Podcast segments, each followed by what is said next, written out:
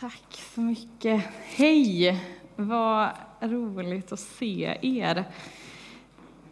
När, på min eh, telefon så har jag en sån eh, app för navigation. Google Maps heter den. Eh, som jag behöver, för jag är skapt helt utan lokalsinne. Så den, eh, eh, vi är tajta, jag och den här appen. Och, och på den appen så finns en sån eh, någon sorts inställning, typ att man kan, eh, att det finns något som är hemma. Så att man inte behöver liksom skriva in adressen hela tiden om man är någonstans och ska hem. Eh, och jag har absolut ingen aning om hur liksom den kom dit från första början och hur man ändrar på det. Eh, men trots att jag inte har bott här på tre år så är det fortfarande Tibro och Lindgatan som är mitt hemma. Så varje gång, det är ofta som jag tänker på er och på Tibro eftersom att jag har så dåligt lokalsinne och är inne så ofta på min app. Eh, det är alltid hemma och eh, så fint att få vara här. Och det är inte bara hemma i Equmeniakyrkan utan det är väldigt mycket hemma här i Pingstkyrkan också och det är jag så enormt tacksam för. Så tack för förtroendet att jag får vara här. När eh, jag jobbade som ungdomsledare, ett stenkast ditåt, så var en av mina uppgifter att eh, jobba med de gudstjänsterna som hade lite extra stort fokus på barn. Där barnen var med i kyrksalen hela gudstjänsten och inte gick till söndagsskola. De som jag tror fortfarande heter kompismöte. Ja, det nickas, tack. Eh, och de här söndagarna, då var liksom det de söndagarna som jag var allra tidigast i kyrkan. Eh, för det var mycket som skulle fixas, det var mycket som skulle roddas. Vi hade ett helt team som kom och vi gjorde det här tillsammans. Och jag gillade ofta att vara där lite innan för att försöka få koll på mina grejer. Och så en söndag morgon när jag vaknade så där tidigt så hade det vräkt ner snö. Det var så sjukt mycket snö i Tibro allt är ju relativt, men jag tyckte att det var otroligt mycket snö. Eh, och så jag liksom eh, pälsade på mig det för att ta mig iväg till kyrkan. Jag hade ju ändå en liten promenad. Och det var liksom verkligen en sån, det kan ju bli så tyst när det är snö. Så det var liksom, det kändes som att jag var den enda personen som var vaken i hela Tibro ungefär. Det var tyst. Och så var det några plogbilar ute i omlopp. Och av väldigt förklarliga skäl så prioriterar ju de här plogbilarna de stora gatorna så att folk skulle kunna köra med bilar och bussar skulle kunna åka. Och på de här cykelbanorna där jag gick så var det ju ingen som liksom hade kommit till dem än. Så att jag eh, liksom kämpar mig igenom den här eh, snön på de här cykelgatorna. Och så kommer jag upp liksom på vägen mot kyrkan och ser den här stora parkeringen och allt fluffigt vid snö och tänker ah, nu är jag snart där, bara en sista kraftansträngning. Och då möts jag uppe i backen av en plogbil och någon som blinkar vänster. Då är det Lennart i Kårtorp, församlingsmedlem och plogare som liksom ser till, har sett mig och ser till att svänga in och plogar liksom hela vägen fram över parkeringen så att jag kommer till kyrkan. Men det slutar inte där, utan jag går ju in i någon sorts eh, eh projekt kompismöte-mode, får av mig mina vinterkläder, börjar greja där i kyrksalen. Och så tittar jag ut. Det är ganska stora fönster på båda sidor av i kyrkan där någon gång när det börjar närma sig gudstjänst och ser en drös av församlingsmedlemmar som likt trädgårdstomtar har dykt upp. Alla med liksom snöskyffen hemifrån, för vi har inte så många i kyrkan och står liksom runt kyrkan och bara skottar järnet för att alla ska kom, kunna komma till kyrkan bereda en väg för att alla ska komma in. Precis det här gör en man i Bibeln som heter Johannes. Han skottade inte snö, han levde i öknen. Men hans uppgift var densamma. Att göra den där vägen lättare att gå. Men inte vilken väg som helst, inte den där cykelbanan här i Tibro, utan vägen mellan Jesus och människors hjärtan. Jag tänkte läsa den texten jag ska utgå ifrån. Och den är hämtad från Johannes evangeliet kapitel 1, verserna 19 29. Och har du möjlighet och orkar så får du jättegärna stå upp medan jag gör det. Det står så här. Och detta var Johannes döparens vittnesbörd när judarna i Jerusalem sände präster och leviter för att fråga honom Vem är du? Han bekände och förnekade inte. Han bekände. Jag är inte Messias. De frågade Vad är du då? Är du Elia? Han svarade Nej, det är jag inte. Men är du profeten? Nej, svarade han. Då sa de, vem är du? Vi måste ha ett svar åt dem som har skickat oss. Vad säger du om dig själv? Han sa, jag är en röst som ropar i öknen, gör vägen rak för Herren, som profeten Jesaja har sagt. Också några fariseer hade sänts ut och de frågade honom, varför döper du då, om du inte är Messias och inte Elia eller profeten? Johannes svarade, jag döper med vatten, men mitt ibland er står en som ni inte känner, han som kommer efter mig. Jag är inte värdig att knyta upp remmen på hans sandaler. Detta hände i Betania på andra sidan Jordan, där Johannes döpte. Nästa dag såg han Jesus komma och han sa, där är Guds lamm som tar bort världens synd. Vi ber. Tack Jesus för den här dagen. Jesus, tack att vi får samlas och fira gudstjänst. Tack för att du är här. Tack för att du möter oss där vi är. Jesus, du vet precis i vilket sammanhang som vi har kommit hit ifrån, om våra hjärtan är fyllda av tacksamhet eller oro. Jesus, jag ber att vi ska få landa i din famn precis där vi är och att du ska öppna våra hjärtan för vad du vill säga. Att dina ord ska få tränga igenom, att du ska bli större och mina ord ska bli mindre. Vi ber så i ditt namn, Jesus. Amen. Varsågod och sitt. Johannes livsuppgift var att bana väg för Jesus. Han blev kallad till detta innan han föddes. I Lukas evangeliet kapitel 1 så får vi läsa om hur Johannes föräldrar Elisabet och Sakarias har längtat efter ett barn så länge men aldrig fått något. Men de får nu på ålderns höst ett besked av en ängel att de ska bli föräldrar. Att de ska få en son och att han har fått en speciell kallelse över sitt liv. Han ska bereda väg för världens frälsare. Sakarias, eh, Johannes pappa, jobbade i templet. Och med tanke på den kallelsen som låg över Johannes liv så är det ju inte så konstigt att tänka att det är ju toppen. Jag bara hänger på pappas jobb. Det är liksom den perfekta scenen för mitt eh, uppdrag. Men när Johannes äntrar berättelsen, när han kommer in i evangelierna, så är det inte i templet som man gör sin entré. Det är långt därifrån, i ödemarken. Och Johannes, han var ett original. Han levde i öknen som sagt och han bar kläder av kamelhår, levde på grå, gräshoppor och honung och han predikade om omvändelse. Och folk kom till honom och bekände sina synder och döpte sig av honom i floden Jordan.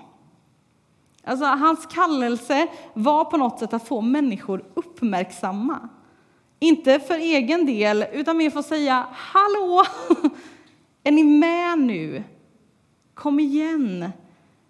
Lyssna på mig. Alltså, snart kommer en person och honom vill ni verkligen inte missa. Vem jag är, det spelar alltså verkligen ingen roll. Men han som kommer efter mig, det är han som ni har väntat på. Han som ska ställa allting till rätta. Världens frälsare. Och jag misstänker att det utifrån kanske ändå såg lite konstigt ut. Att trots att många människor kom och sökte till Johannes där ute i öknen så var det nog också människor som höjde på ögonbrynen åt Johannes lite alternativa livsstil.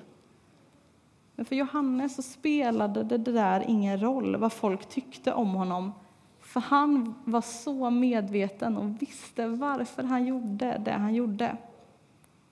Att rädda den här världen, det var Jesus uppgift. Men att få människor att närma sig honom, det visste Johannes att här kan jag ha en av pusselbitarna.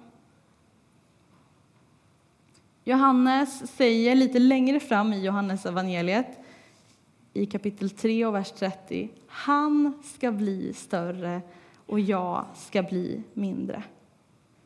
Man kan säga att Johannes hela liv handlade om att vara någon sorts neonpil som pekade på Jesus. Hur gjorde Johannes det här då? Men jag kan se två saker. Han gjorde säkert mer. Men jag tänkte dela med mig av två saker som jag ser att Johannes gör. Han handlade och han talade. Johannes handlar. Det står att han säger att jag gör vägen rak för Herren, som profeten Jesaja har sagt.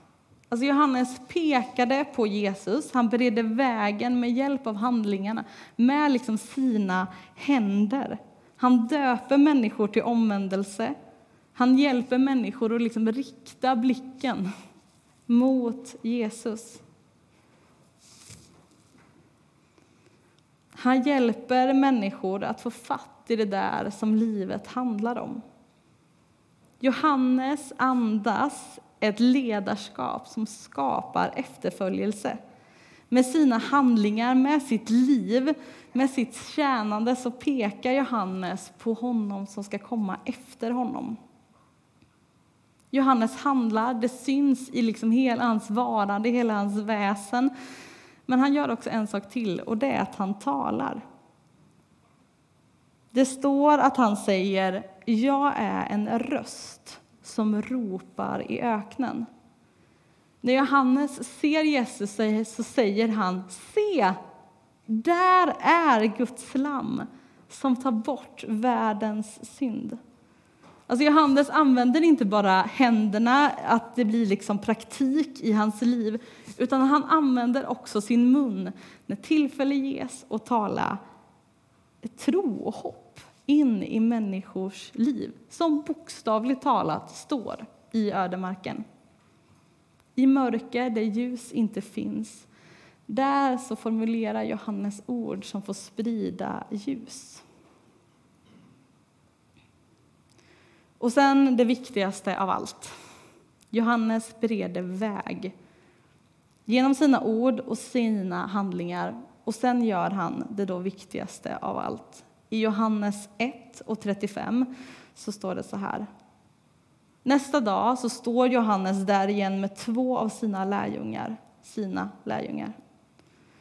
När Johannes kom gående så såg Johannes på honom och sa, där är Guds lamm. De båda lärjungarna hörde vad han sa och följde efter Jesus. Jesus vände sig om, och då han såg att de följde efter honom frågade han vad de ville, och de svarade Rabbi, det betyder mästare, var bor du? Han sa, följ med och se. Johannes hade lärjungar, och det var inte konstigt att liksom folk följde någon. Men när han ser Jesus så pekar han på honom och från den stunden så är de där lärjungarna inte Johannes lärjungar längre, utan de är Jesu lärjungar. Jag tror att det är det som vårt kristna ledarskap handlar om. Att bereda en väg och sen lämna vid Jesu fötter. Han ska bli större och jag ska bli mindre. Johannes uppdrag var lite det som står i Gamla testamentet om att göra en jämn väg i ödemarken. Att dalarna ska höjas, att alla berg och höjder ska sänkas. Och jag tänker att eh, om man sammanfattar det bara i lite nyare ord så ska vi få upp en affisch här, eller en bild på en affisch som typ säger samma sak. Allt ska bort. Allt som skymmer Jesus ska rensas undan. När den här affischen kom ut så blev det otroligt starka reaktioner. Det här är nämligen inbjudan till Ekumenias första riksstämma som hände för 15 år sedan. För vi firar 15 år. Alltså Ekumenia, ungdomsorganisationen. Tre gamla ungdomsförbund från Missionskyrkan, Metodistkyrkan och Baptistsamfundet hade gått ihop och bildat ett ungdomsförbund. Och så skickade man ut den här inbjudan till folk. Nu ska vi äntligen samlas allihopa. Och många tolkade den här inbjudan som att allt det gamla, allt det de här tre ungdomsförbunden har gjort och tjänat och levt, det är dåligt.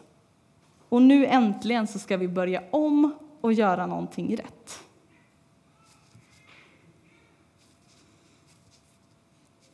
Grejen är bara att man inte har läst då. Eller vad säger ni? Det står ju nämligen allt ska bort, allt som skymmer Jesus ska rensas undan. Allt som pekar på Jesus och växer ska vi ju självklart inte rycka, rycka bort eller slänga. Det hade varit så dumt och så fruktansvärt. Det ska vi vattna och vårda. Men det där som inte är gott, det där som bara ställer till det för oss, som är stolar eller annan bröte, en gungstol, en gammal säng, sånt som gör att vi snubblar när vi försöker söka oss närmare Jesus, eller som tar bort tar så mycket fokus, att vi liksom inte ser våran frälsare som är liksom bakom där i, hö i högen av bråte. Det behöver vi och måste vi våga flytta och slänga. Den här texten provocerade då, och den gör det fortfarande. Och det är okej, okay, och jag tycker att det är bra att den gör det. Det gör det hos mig också. För jag tänker att faktumet att den provocerar lite betyder kanske att vi faktiskt har någonting som vi behöver flytta på. Jag vill uppmuntra dig och mig att vara en Johannes döparen för någon annan. Du behöver inte göra allt. Tillbaka till den där snöiga söndagen innan kompisgudstjänsten. Den söndagen så var det massa saker som Lennart faktiskt inte gjorde. Han hade inte planerat gudstjänsten. Han hade inte övat på musiken. Han var inte ljudtekniker, han hade inte fixat fika. Han hade inte gjort någonting av det där som vi kanske tänker är det första man behöver när man ska göra en gudstjänst.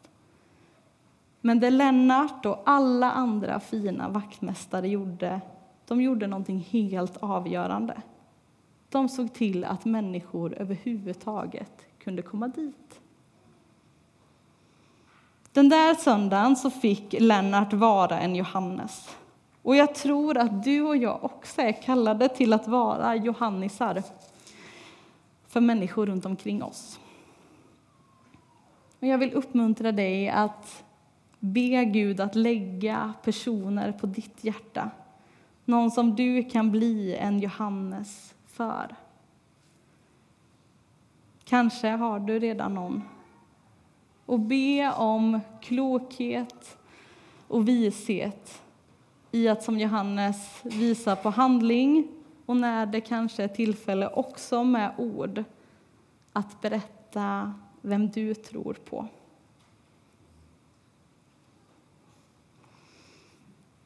När jag eh, satt i samtal med tonåringar här och jag känner igen mig så mycket i det som eh, Hanna också delade av, att många tonåringar kanske inte alltid mår så bra. Och, då, och framförallt att de hade vänner som inte mådde bra. Och så kunde de komma till mig och säga Emma, vad ska jag göra? Jag vet inte vad jag ska säga.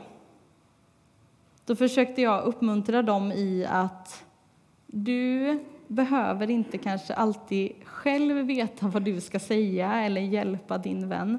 Men du kanske kan vara, ta ett steg och ploga liksom en väg så att den här, din kompis får någon vuxen att prata med.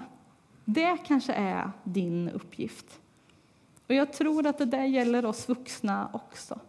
Jag vill utmana oss att våga ta de där stegen, att våga ta täten, att våga bereda plats, att våga vara en Lennart, att våga vara en Johannes, att våga handla och tala, att skotta snö och tala in ord av liv i människors liv. Ordet som förvandlar liv. Jag vill lite senare i gudstjänsten så kommer det finnas möjlighet för förbön. Och jag vill redan nu ge en särskild inbjudan till den, eller närmare sagt tre. Den första inbjudan är till dig som inte har tagit emot Jesus i ditt liv, som inte kallar dig kristen. Kanske är det idag som du ska släppa in honom för första gången. Och vill du det så vill vi så gärna be tillsammans med dig och det kommer finnas möjlighet för det. Till dig som tagit emot Jesus, kallar dig kristen, lever i ett lärjungaskap så vill jag be dig att fundera på om du kan vara Johannes för någon annan. Och till alla oss som tror. Vi behöver tillsammans, kollektivt, rensa undan allt det där som vi har ställt i vägen för att människor i vårt samhälle ska få möta Jesus. Fördomar om kyrkan, sår som kyrkan har skapat, saker som har blivit fel. Tänk om vi kan få ta fram våra snöskyfflar och skotta undan det.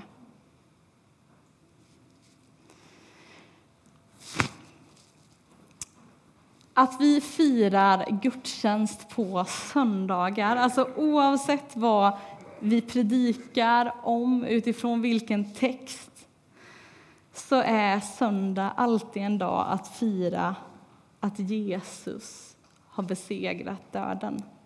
Det är hela orsaken till att vi samlas på söndagar.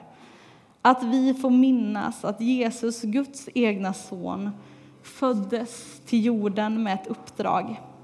Att besegra döden och rädda den här världen.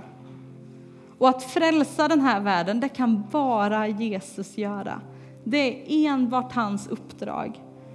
Men Johannes uppdrag kan vi alla ta del av, att ge plats åt Jesus, att rensa undan det som skymmer honom och peka och säga där är han. Där är han som allting handlar om. Amen.